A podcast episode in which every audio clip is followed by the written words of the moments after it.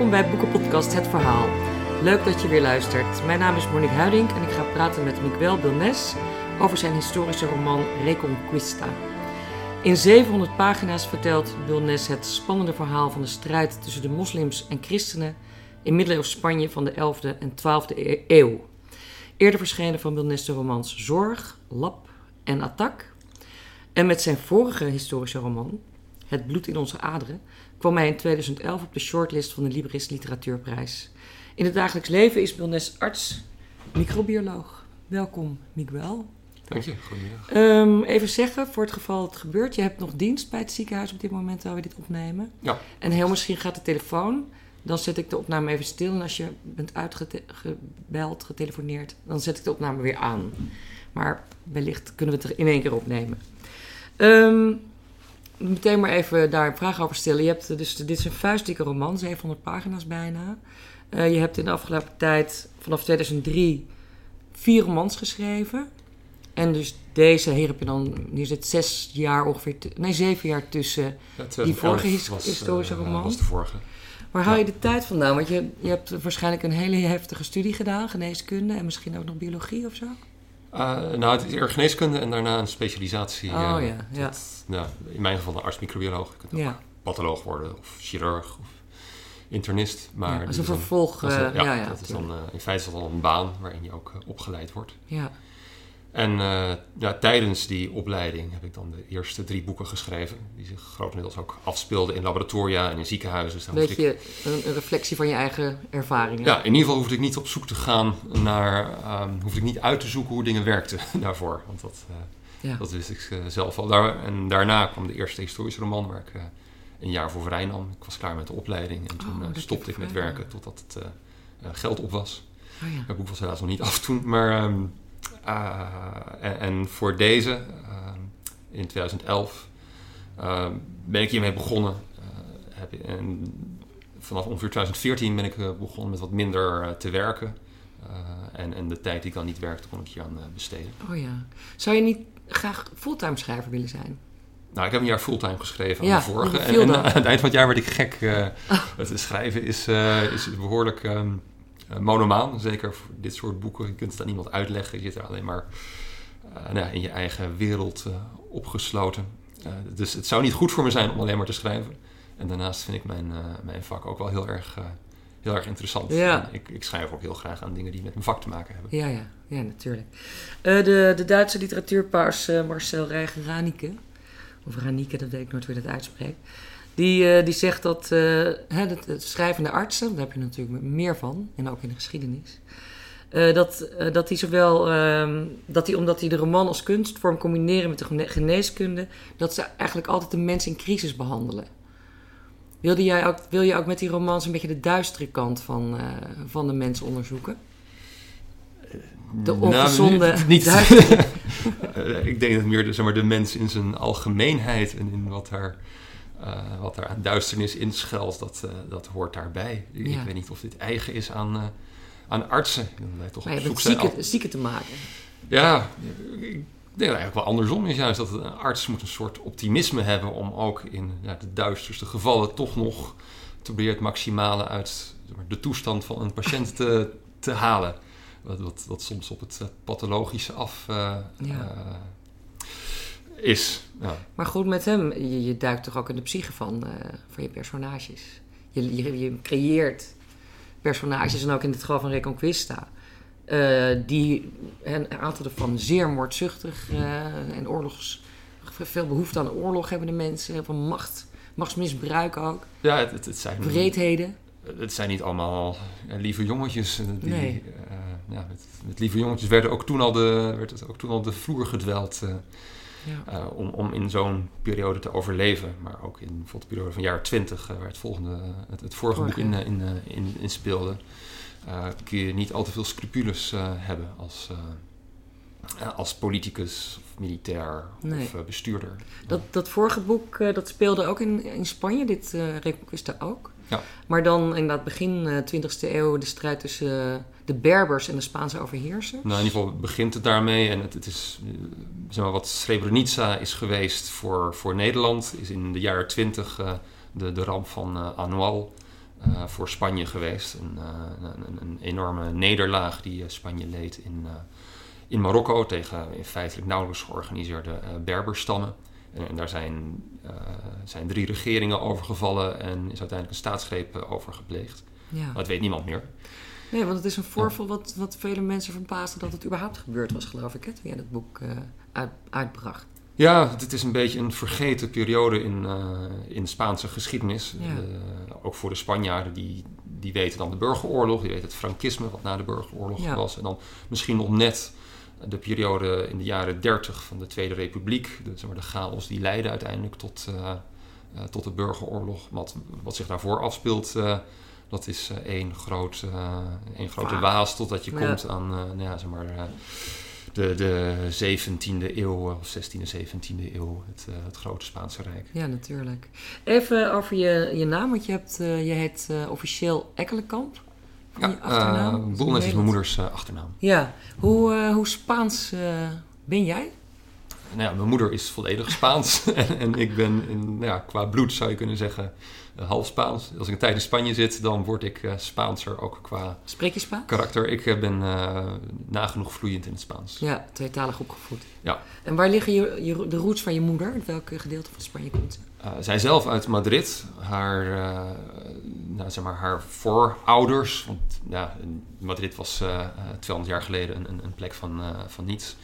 Um, die komen uit, voor een gedeelte uit het noorden, uit Palencia. Dat, is ehm, ja, in, in, in, in het oude Kastilje ligt dat. Ja, ik kan eigenlijk niet veel over uitleggen, Nederlands kennen dat helemaal niet. En de andere kant komt uit de buurt van Benidorm. Oh, oké. Okay. Ja. maar de, de, Valenciaanse kust. Ja. En daar heb jij dus waarschijnlijk dan ook nog familie wonen, of dat niet? Ja, het grootste deel in Madrid zelf. In Madrid, oh. Dus, je, dus je, want omdat dit... Hè, Reconquista speelt voor een belangrijk deel ook in Andalusië. Ik vroeg me af of je daar dan misschien... Uh, nee, Andalusië net niet, maar wel zeg maar, het stuk um, in, in Castilië. Ja. van mijn, dat is dan mijn grootvader. Die komt uit, uit Palencia, uit het, zeg maar, het oude Castilië. Ja.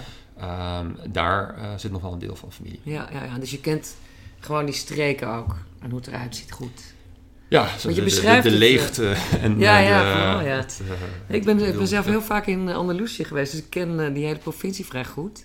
Ja. En veel rondgereisd en rondgereden daar ook. Dus voor mij was het gewoon echt ook wel een, leuk... Daar vooral Sevilla natuurlijk...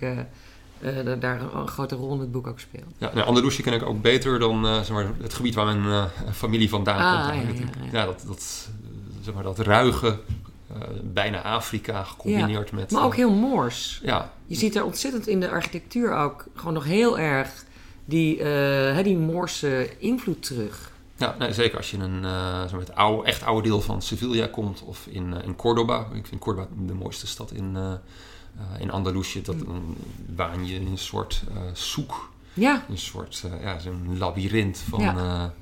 van winkeltjes die daar vroeger ja. geweest moeten zijn. Ja, grappig is dat. Um, waarom wilde je... Hè, je had dus eerst heb je, heb je in de, een, heel, een, een historische roman geschreven over de 20e eeuw. Waarom wilde je helemaal terug naar, naar de 11e en de 12e eeuw? voor dit boek?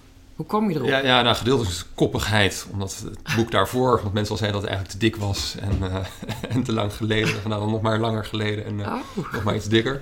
Um, provocatie. nou ja, dan, dan maar aantonen dat dat ook echt kan. Uh, maar vooral omdat nou, het een, een, periode is die in ieder geval bij mij heel erg tot de verbeelding sprak.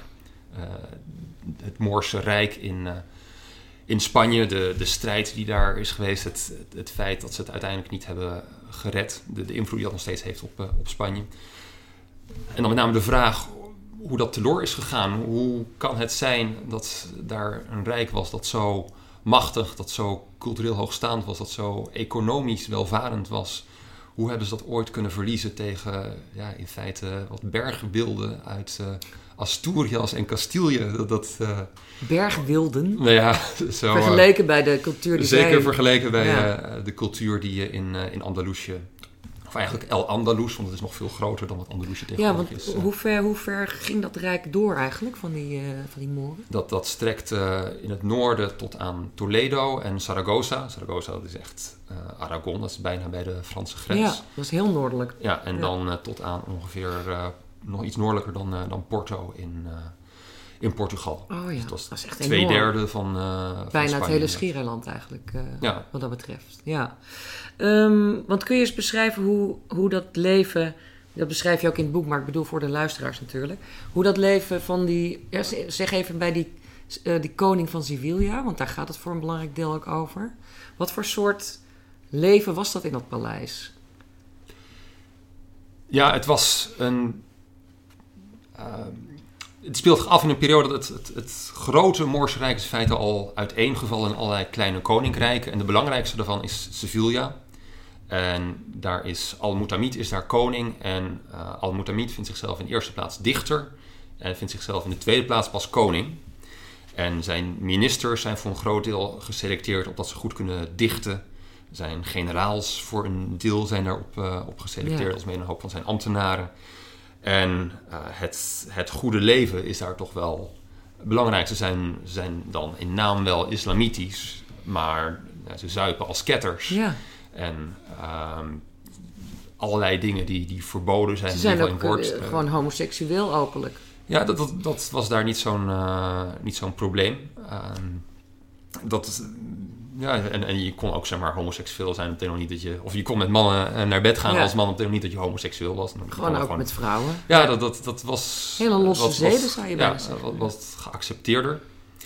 Ehm, er is ook een theorie dat de, ehm, de inquisitie later, in, eh, in Spanje spreken echt 200, 300 jaar later, dat die juist zo enorm fel gekant was tegen homoseksualiteit.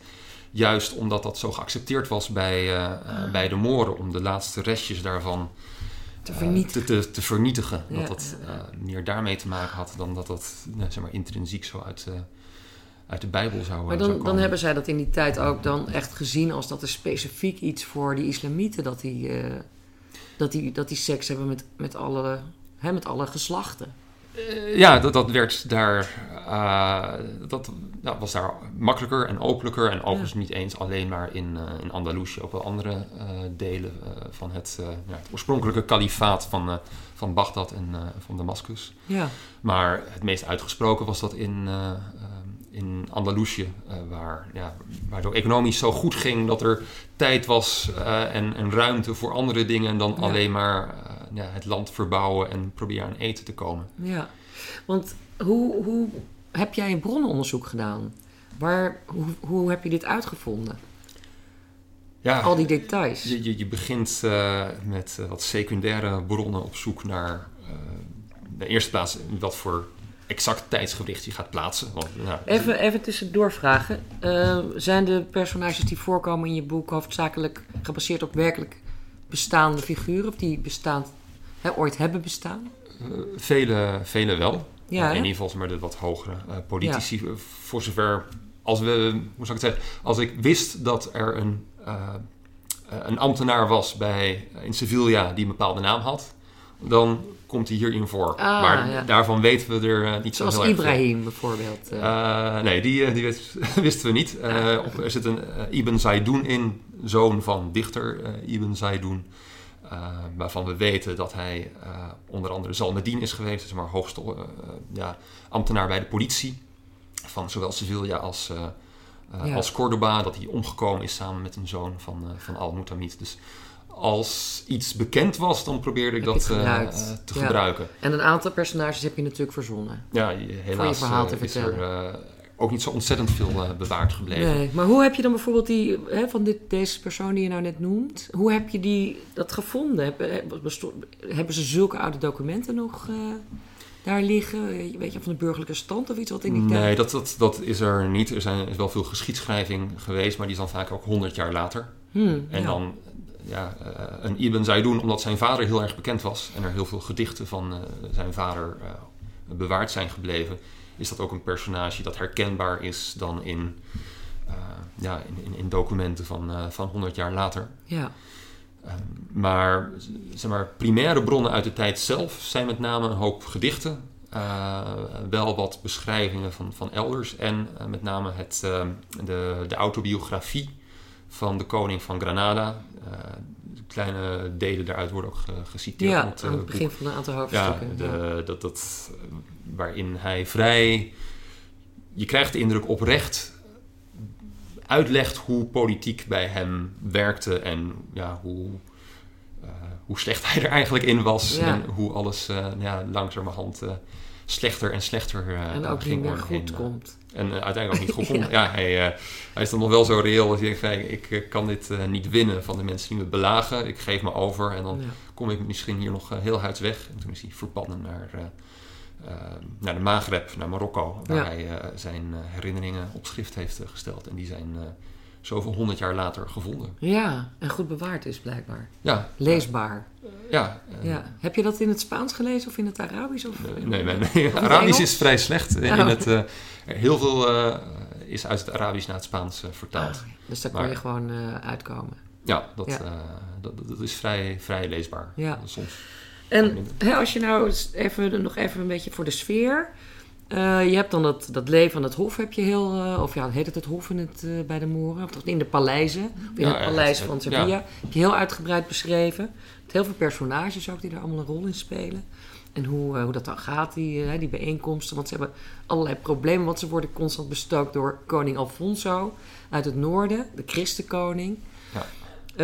Die, die wil, het is constant een soort grensstrijd om steden eigenlijk. Min of meer. Ja, wel op zijn middeleeuws, waarin oorlog niet iets absoluuts is, zoals het bij ons is geworden in, eh, in de 20ste eeuw. Je, kon best het ene jaar eh, oorlog voeren en het, eh, jaar daarna een, een bondgenootschap hebben. Het was ook wat meer gemeen goed dat af en toe edelen in opstand kwamen tegen hun, tegen hun koning. En dan moest dat de kop ingedrukt worden. Dat, het, het waren geen absolute. Het waren ook eigenlijk tussen steden meer, hè? niet landen of zo.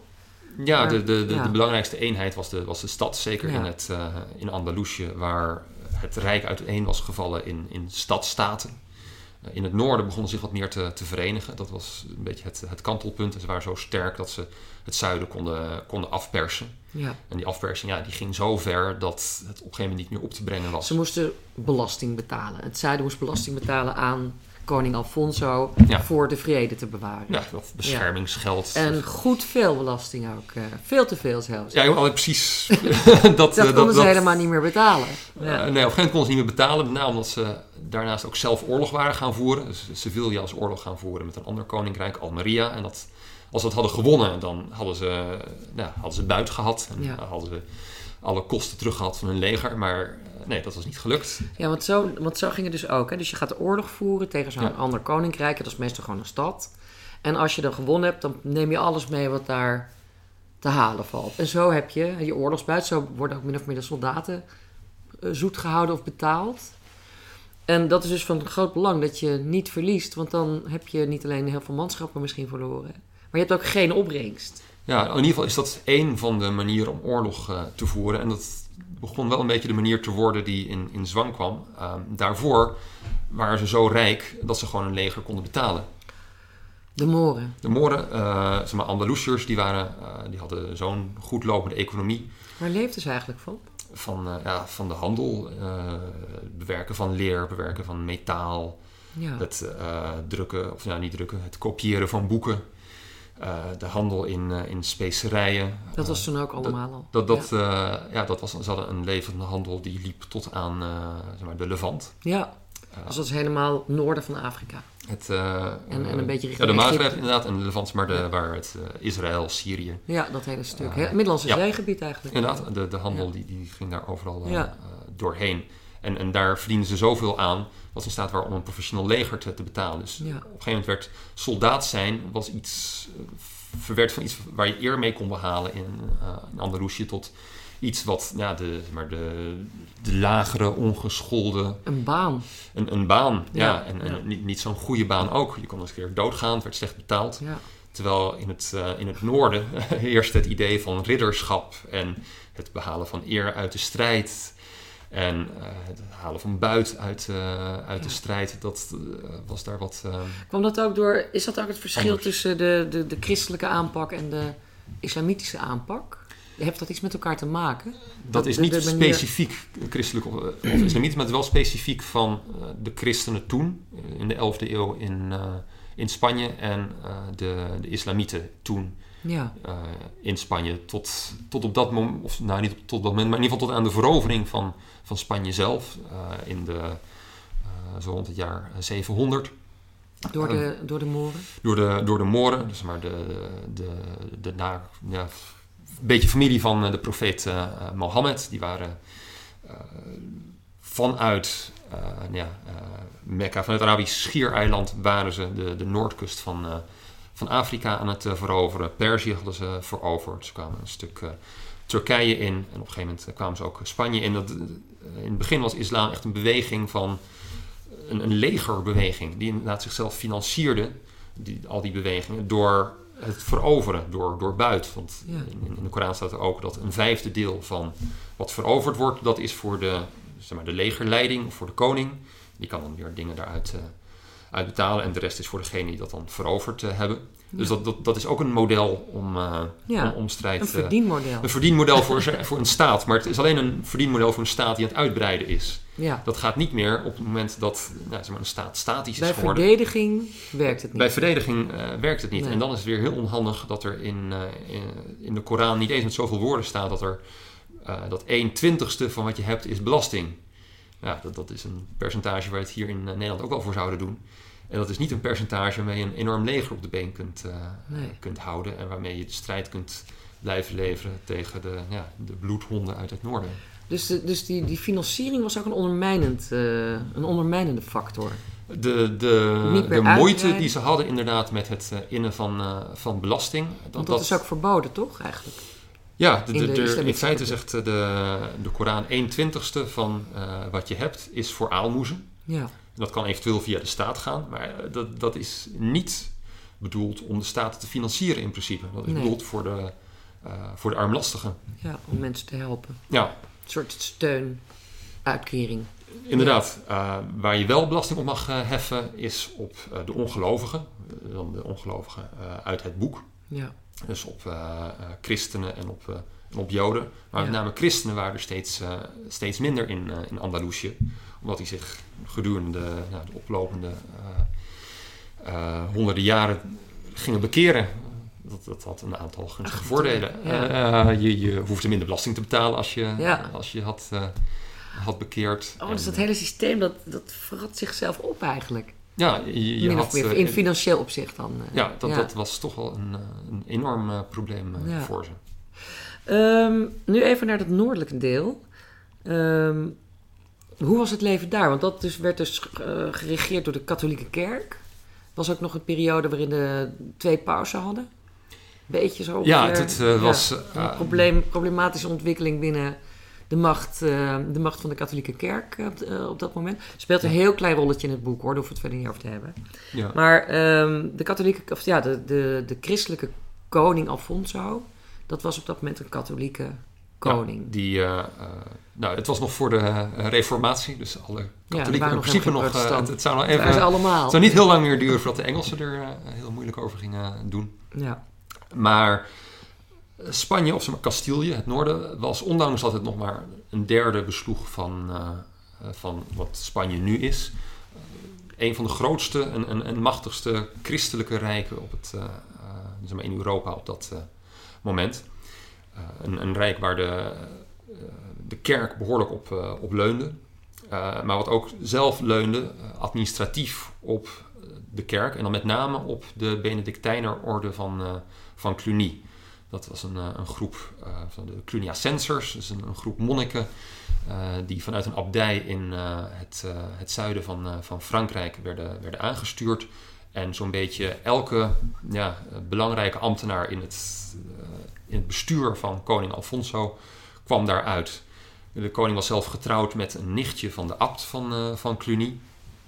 Eh, dus de koningin was, eh, kwam, daar, kwam daar vandaan. Eh, dat was heel erg verweven. ja, dat, dat was enorm Alleen verweven. door, familie, door familiebanden. Ja, een enorme afdracht deed, eh, Ja. deed het, het Christelijk Noorden jaarlijks aan, aan Cluny. Zo'n duizend gouden stukken op een gegeven moment verdubbelde Alfonso dat naar eh, 2000 per jaar. Dat is een, Een afdracht die ongekend was in die tijd.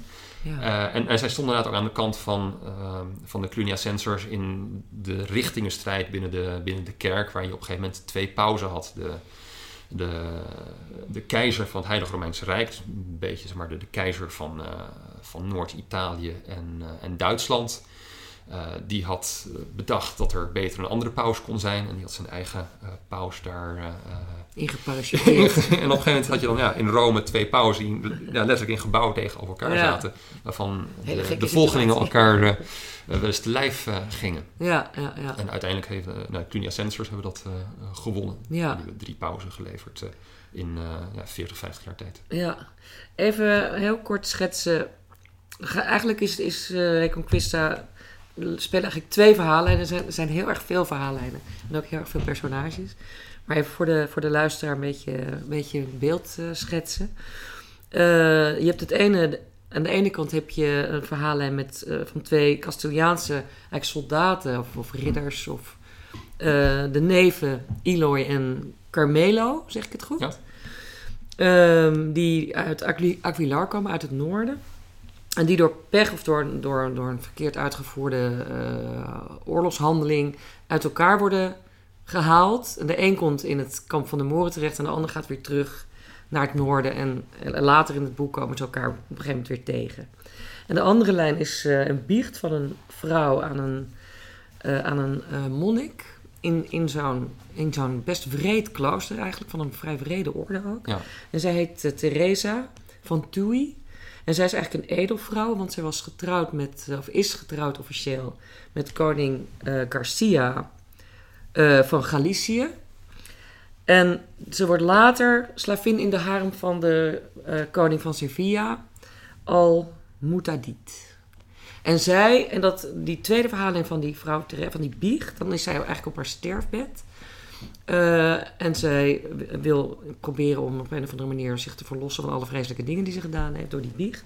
En dat speelt zich net iets later af. Waarom heb Ja. je gekozen voor die, dus die, van die jongens, die neven en al die avonturen die zij meemaken? En die zitten dus ook constant, die zijn constant aan het vechten ook. Speelt eind 11e eeuw en die biecht begin 12e. Waarom heb je voor die twee verhaallijnen met eigenlijk ook zo'n net verschil in tijd gekozen? Ja, is een beetje toevallig gegaan eigenlijk. Oh. Ehm, ik had niet van tevoren helemaal uitgedacht hoe het, eh, hoe het Oh, boek nee? zou gaan. Nee, eh, ik begon Oh, met joh. schrijven en ik begon met, ja, Met wie begon je? Met welk verhaal? een beetje tegelijk met de twee verhalen. Ik begon eerst met twee, nou, twee neven. Jongens, Eh, ja. Oorspronkelijk was er ook maar één. en die andere speelde wat minder een rol. Die was er wel, maar die deed niet zoveel. Wie was de eerste? Eloy was de eerste. Oh ja. Dat is ook de, de naam van mijn basisschool.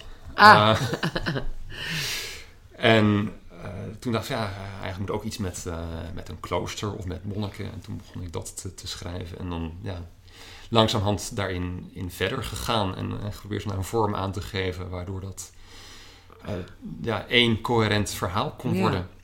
Maar ben je, is, loopt dan het, het, het schrijven parallel met het, met, de, met het onderzoek? Of heb je eerst het hele onderzoek gedaan en ben je toen gaan schrijven? Of hoe, hoe Voor groot dat? deel parallel. Want Ja, ja. ja, anders loop je het risico dat je drie jaar lang onderzoek zit te doen. En Ja. dan heb je nog niks. En dan is het misschien helemaal geen goed idee om hierover te schrijven. Dus ik probeer bij ja, zoveel mogelijk dingen uit te zoeken die nodig zijn echt voor het boek. Dus in plaats van ergens tegenaan te lopen wat ik mooi vind. En van ik denk, dit moet in het boek. eh probeer ik het andersom te doen. Wat heb ik nodig? Wat moet ik eigenlijk weten nu? En dan op zoek gaan in wat er is aan eh, historische bronnen om dat te vinden. Aha. En dat kan uiteenlopen van eh, nou, ja, hoe een leger is georganiseerd, tot, tot hoe belasting wordt geïnd, tot eh, hoe ze precies hun, hun katholieke rieten hadden op dat moment, tot wat ze aten. Dus maar hele specifieke dingen die op dat Ja. moment nodig Ik zijn. sprak eh, een poosje terug een Amerikaanse eh, romanschrijfster, Jennifer Egan. En eh, over haar boek Manhattan Beach. En dat speelt zich af in de Tweede Wereldoorlog in New York.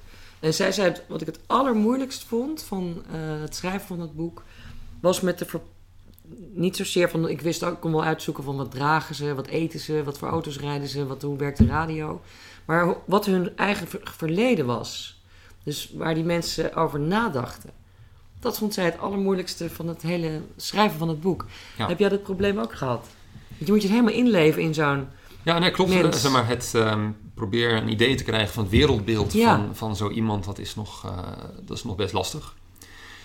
En als je boek over de jaren 20 gaat, dan is dat alweer een stuk makkelijker. Want Ja, mensen hebben zelf dingen geschreven. En eh, nou, de kranten zijn gewoon geschreven door mensen die hun visie op dat moment eh, geven. En ja, voor de 11e eeuw is dat lastiger. Maar ook uit die tijd zijn er dus eh, bepaalde dingen die door mensen zelf zijn geschreven. Ik moest het dan met name doen met gedichten. En met eh, dus de, nou, wat zijn het, eh, 150 bladzijden van de koning van Granada. Ja, Die, die toch een beetje zijn, zijn beeld van de wereld tekent. ja. En er Maar zijn ook dat is een koning, hè? dat is een koning, ja. Ja. Dat, is, eh, dat is waar. Dus wat de, de, gewone man, hoe, hoe die dacht en wat hij deed... Dat, dat moet je een beetje zelf, eh, Ja, dat is natuurlijk veel zelf moeilijker. invullen. Ja, Uh, nou zijn natuurlijk ook gradaties in gewone man. Het is niet hetzelfde of iemand een, een ridder is... of een graaf of een boer...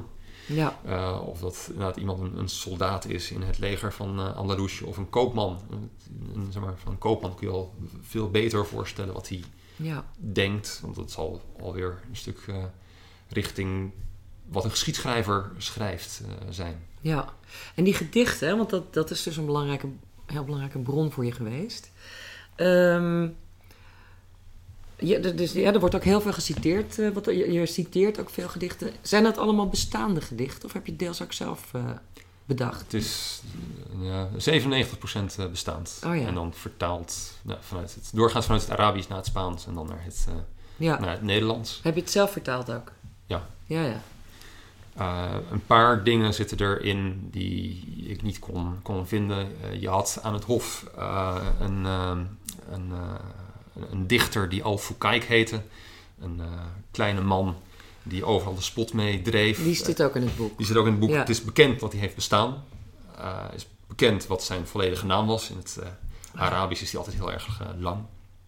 En er zijn helaas geen gedichten van hem bewaard gebleven. Dus dat moest ik dan een beetje ja.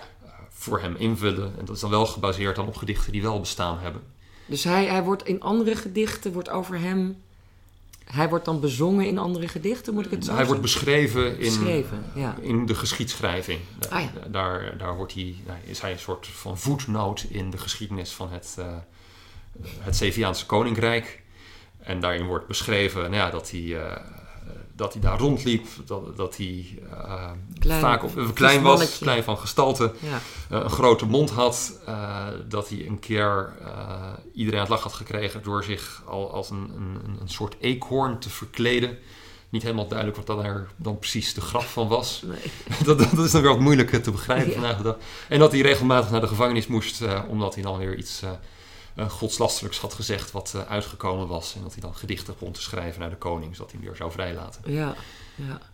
Maar die gedichten die gaan ook heel erg over, tenminste ja, heel erg, uh, laat, laat ik het eventjes een beetje samenvatten. Ook veel over, de, over gewoon liefde, maar ook over ja. drinken. En hè, het idee is dat ze daar aan het hof... Dat gaat dus allemaal over die moren. En niet bij de christenen, ja. want die, dat wordt helemaal totaal niet gedicht. Uh, hè, dan moeten ze uh, bij, bij zo'n uh, bij zo'n avond dat ze met bij elkaar zitten, wordt eigenlijk iedereen verplicht. En nu moet jij, nu ben jij aan de beurt, alsof je een lied zingt, bij wijze van spreken, hè, geïmproviseerd. Ja, klopt. Nou, hun tijdsverdrijf was in, in die tijd het favoriete tijdsverdrijf van ja. de koning van, van Sevilla. Was dan wedstrijden in dichten. Als een soort. ja, hoe heet het tegenwoordig? Poetry slam. ja. Dat dan was het regel voor regel. Dan moesten ze over iets willekeurigs wat werd aangedragen. Ja een, een, een mooie regel uh, verzinnen en die, dan, uh, en die dan aanvullen op En dan was de koning de jury. En het was wel de bedoeling dat, dat, het, mooi, dat, dat het hem beviel. Want anders dan kreeg je misschien ook nog wel een soort straf of iets dergelijks. Ja, nou... Heeft hij wel wat brede dingen gedaan, maar het is niet bekend dat hij, omdat een regel hem niet beviel, dat hij uh, iemand zijn hoofd, iemand zijn hoofd heeft, heeft afgehakt. hooguit mocht je dan niet meer werd je niet meer uitgenodigd naar, uh, naar paleisfeesten. Ja, uh, die, hele, die hele beschaving eigenlijk van, uh, van, die, van die moren, van die islamieten. Um, is, dat, is dat vergelijkbaar met hoe het Romeinse Rijk aan zijn eigen beschaving ten onder is gegaan, bijvoorbeeld? Denk je? Want het was, het was echt een zeer hoge cultuur, heel cultureel. En eh, als je nu ook eh, in Andalusië komt, ik ben in dat, eh, in dat paleis geweest in Sevilla, Alcazar. Nou, dat vond ik gewoon de mooiste plek op aarde. Ik heb nog nooit Ja. zoiets moois gezien. En daar is bijvoorbeeld ook, eh, eh, ik weet niet of je Game of Thrones kent, want daar doet je boek natuurlijk ook een beetje aan denken. Ja, dat is Eh, voor gedeelte daar opgenomen. Dat is voor een deel ja. daar opgenomen, omdat het zo prachtig mooi is. En als je dan kijkt wat dat, en dat is allemaal nog bewaard gebleven, het heeft echt schitterende architectuur opgebracht. En dus blijkbaar was er ook heel veel sprake van zang en, en poëzie. Ehm, is dat, eh, gaat dat op een gegeven moment richting decadentie en dat het dan instort? Is dat zo'n, zeg maar, evolutie van, van een cultuur? Zou dat kunnen? Ja, dat, ja, of het dan de hele cultuur is, kun je afvragen. Maar in ieder geval eh, krijg je op een gegeven moment in, eh in Andalusië leiders die dat predicaat misschien niet meer waard zijn. Dat, is, dat is één. Het tweede is dat de islam op zichzelf niet zo'n heel goed geloof is voor koningen. Want eh, die kunnen daar niet zo heel veel macht uitputten. In tegenstelling tot het eh, katholicisme of in, in, zijn algemeen het christendom, wat altijd de machthebber steunt. Wat zegt de macht is door God gegeven. Is de islam veel democratischer. In feite is elke man gelijk. En dan heb je, je hebt wel de kalif. Maar kalif is letterlijk de opvolger van de profeet Mohammed. En eigenlijk moet dat familie zijn op de een of andere manier van, van de profeet. En al die andere koningen, ja, die zijn toevallig koning omdat zij geluk hebben gehad of omdat zij even eh, wat manschappen hebben kunnen ver- verzamelen en, en, en een leger hebben kunnen leiden. Maar er is geen divine rechtvaardiging voor hun koningschap. En dat maakt, eh, maakt, maakte de mensen in, eh, in Andalusië, of in Al-Andalus, veel meer genegen om in opstand te komen. En, en te denken, ja, de koning is, is ver weg. Waarom zou hij belangrijker zijn dan ik? Eh, en, en in, eh in Andalusië moesten ze voortdurend eh, opstanden de, kop, de kop indrukken. Ja. Terwijl het in het noorden veel minder was. De graven, die, die wisten van, nou, de, de, de macht die vloeit voort uit, uit de koning, die is door God gegeven. Daar, daar zit een bepaalde, ja, Er zit een hiërarchie in zit een hiërarchie in, een door iedereen systeem. geaccepteerd Ja. wordt. Ja. En, en dat, dat is veel sterker in, in christendom dan in, in islam. En je ziet het eigenlijk nog steeds in de islamitische wereld nu. ja. Er zijn niet zoveel s- echt fundamentalistische staten bestaan helemaal niet. Je zou misschien Saudi-Arabië er ja. kunnen, onder kunnen scharen, maar ook de macht in, eh, in Iran, de president of de, eh, de premier in Iran. Is, is niet een, eh, het is niet een, een koning, het is niet, hij heeft niet de macht van God die, die wordt gekozen. Hij staat al wel, natuurlijk moet hij doen wat de schriftgeleerden zeggen. Maar he- het is niet zoals eh, nou, ik weet niet, een, een Poetin, waarvan ik verwacht dat de orthodoxe kerk daar volledig achter staat en zegt: eh, dit is, eh, Ja. moet, jullie moeten doen wat Poetin zegt. Ja. Verklaart het ook dat je zo ongelooflijk veel richtingenstrijd hebt binnen, binnen de islam? Heeft dat daar ook iets mee te maken? dat, dat, dat helpt zeker niet. Nee. Ehm, nou hebben wij natuurlijk, het katholicisme is wel heel erg goed geor- georganiseerd in die zin. Je hebt één paus, Ja, ook mooi top-down allemaal. dat is mooi, Ja. mooi top-down, maar heeft natuurlijk ook eh, decennia, die heeft er eeuwen over gedaan om, Ja. om daartoe te kunnen evolueren. Het heeft mee kunnen evolueren met de macht totdat het echt een, een Nou, het factor bestaat van... eigenlijk 400 jaar langer, hè? kun je wel ongeveer bruutweg zeggen. Ja, Vijf. ik denk zelfs bijna 600 jaar. eh, Ja? ja. Ja. 700 ongeveer, dacht ik, islam. Mohammed. Ja, en, en Jezus is dan eh, het, eh, of Ja, christendom, zeg maar, jaar Ja, 60 of zo, ongeveer na Christus. Ja, Maar- ik dacht dat het nog wel iets... Nou ja, goed, Maar goed, maar, maar, kan- ja, maar in ieder geval bestaat het veel, eh, veel langer. En, en he- is het niet vanaf het eerste moment ook ehm, geïntegreerd geweest in, in de macht, zoals de islam dat wel is geweest? In feite was de, de godsdienst van een legerleider die, die eh, met zijn leger aan het, eh, aan het verspreiden was. Dus er was geen tijd voor fine-tuning Ja. en, dat soort eh, Dus het elementen. begon al als een, eigenlijk als een, als een veroveringsclub, Ja, om het zo te zeggen. En tijdens dat verovering het allemaal nog prima. Nee, want je had volgens mij ook al bij de dood van Mohammed dat er, dat er een broer... Daar bestaat ja dat de werd Soenieten en Shiiten, die, die, Ja. Daar heb je nou al een, een soort een, een soort schis- splitsing. schisma. Maar in ieder geval werkte dat systeem nog wel goed van we veroveren dingen en dan Ja. hebben we geld en dan gaan we door met... eh, Ja. Want waarom denk je dan uiteindelijk dat... eh, is het toch gewoon puur economisch dat, de, dat, de, dat de, de moslims het verloren hebben in Andalusië?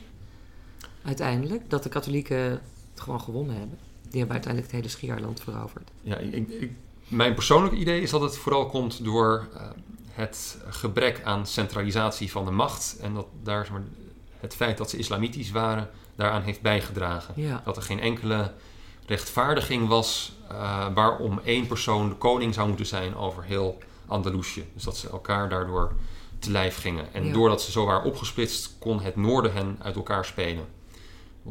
Maar, en dat, is, dat komt dus door, eh, denk ik, door het geloof. Het tweede is door het erfrecht. Dat vrouwen eh, niet kunnen, eh, of veel minder kunnen erven. Ja.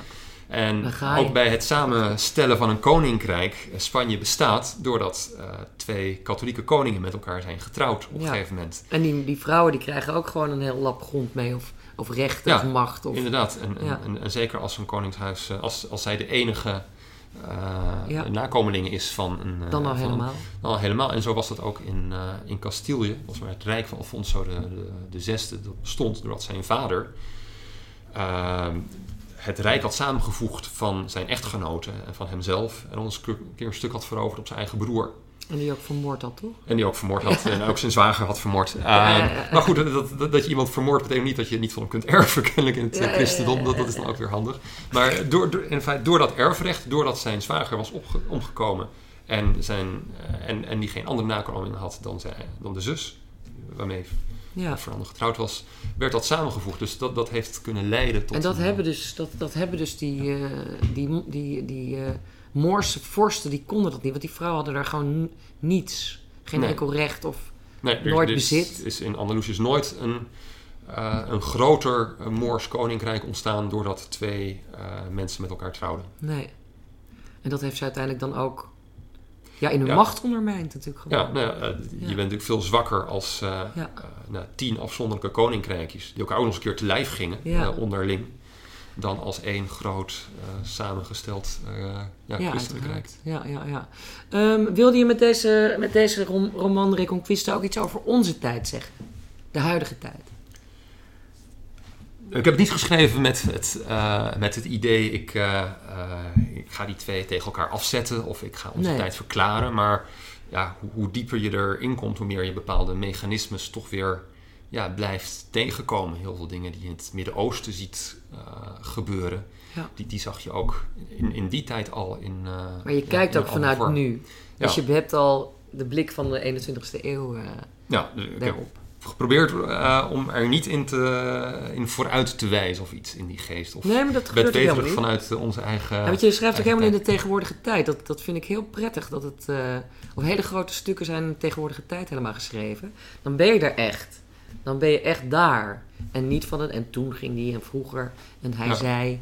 Ja, dat, vind ik, dat, dat geeft het ook enorme vaart. Ehm, voor een boek van 700 pagina's is dat wel lekker als het een flinke vaart heeft. Ja. Maar, ehm, dus je, maar je, het was meer dat je erachter kwam. Dat je dacht, verrek, dat is eigenlijk niks veranderd. eh, Ja, nee, je, inderdaad, je probeert een beetje te begrijpen, of Ja. ik probeer een beetje te begrijpen hoe dat toen gegaan is. En, en ja, dingen uit die tijd zie je ook, eh, zie je ook nu. Eh, Een parallel voor de Aziz, de minister van Saddam Hussein, die een christen was. Eigenlijk de enige eh, minister waarin Saddam Hussein echt vertrouwen had. Juist omdat het een christen was, juist Ja. omdat hij de macht niet kon grijpen. Ja. En dat, dat deden die vorsten in die tijd ook al. Die hadden dan bij voorkeur Joden aangesteld als, eh, als ministers, met name in Granada. Want wat ze ook deden en hoeveel ze ook konden stelen, ze konden in ieder geval niet de macht overnemen. ja. Eh, dat, ja, dat soort, ehm, Daar, is, daar is dus inderdaad niks, Ja. niks aan veranderd dan. nee, dat soort universele dingen zijn Goh, mooi. ja, de ehm, laatste vraag alweer. Ja. Eh, we hebben het gered zonder dat je geweld, maar het kan nog misgaan natuurlijk. Ja. Eh, ben je bezig met een volgend boek eh, inmiddels? Dit is natuurlijk nog niet zo heel gek lang uit, maar ik denk dat je wel al waarschijnlijk een half jaar geleden zou je het wel af hebben, hebben afgerond. Ja, ergens augustus vorig jaar. En dan, Ja. dan krijg je het nog een keer terug van de corrector. Ja, en precies. Eh, moet er een kaart in en die moet je zelf maken, want die bestaat helemaal niet. Ja. Eh, in ieder geval, een kaart inderdaad. Ja, eh. ik heb hem niet zelf gete- getekend, maar wel aangegeven hoe dat, dan, eh, Ja. ja. hoe dat dan moest zijn om aan te sluiten. maar ben je al aan iets nieuws begonnen? Ik ben een beetje aan het inlezen in de 80-jarige oorlog. Kijken of daar dan misschien iets kan. Dan zou ik het nog vanuit de Spaanse en Nederlandse kant kunnen bekijken. Maar moet even goed nadenken of, dat, of ik dat weer aan kan. Ja, toch Eh, opnieuw de- een historische roman. Een dus. historische roman. Ja. Eh, maar er is ook al iets anders af. Een, eh, een graphic novel, of in ieder geval een scenario van een graphic novel. Hey. Illustrator die is halverwege. Oh, wat leuk. Wat dan ook als roman uitkomt. En die roman is ook al klaar. En waar, wat is de, strekking van die roman? Of, kan Ja, het is een hele, het is een beetje een rare thriller. Oh, Ik, ik kan het niet goed... over iets heel anders. Niet ja. historisch. nee, helemaal niet historisch. Gewoon een spannend Het- het verhaal. is, dat hoop ik, Ja, dat het spannend is. Het, is. Aan de ene kant heeft het veel weg van de gewone politie-detective. Aan de andere kant is het wel een beetje een raar boek. Een beetje meer in de stijl van mijn eh, eerste boeken. Ah, even een tussendoortje. Ja, ongeveer samen met dit geschreven, wat helemaal niet een Oh. goed idee is, want dan duurt alles weer veel langer. Mijn eh, gebrek aan eh, focus breekt zich nog wel eens. Ah, maar dan ben je lekker met heel veel dingen tegelijk bezig. Dat is ook, dat is ook leuk voor je hoofd. Lekker moeilijk, lekker ingewikkeld maken. Ja, Dat kan soms zo fijn zijn. Ja. Ach. Nou, dankjewel voor dit gesprek. Graag gedaan. Eh, koopt allen en leest allen Reconquista. Dat is een fantastische roman. Echt heel mooi. Eh, ik sprak met Miguel Bulnes over zijn historische roman Reconquista. Dat zei ik net eigenlijk al. Abonneer je op deze podcast via iTunes, Soundcloud of Stitcher. En je kunt eh, deze in eigen beheer gemaakte podcast ook financieel steunen met een donatie. Dat kan via de website podcasthetverhaal.nl, aan elkaar geschreven allemaal. Op de pagina Steun het Verhaal kun je via internet bankieren heel makkelijk een bedrag naar keuze overmaken. Alvast hartelijk dank en tot de volgende keer.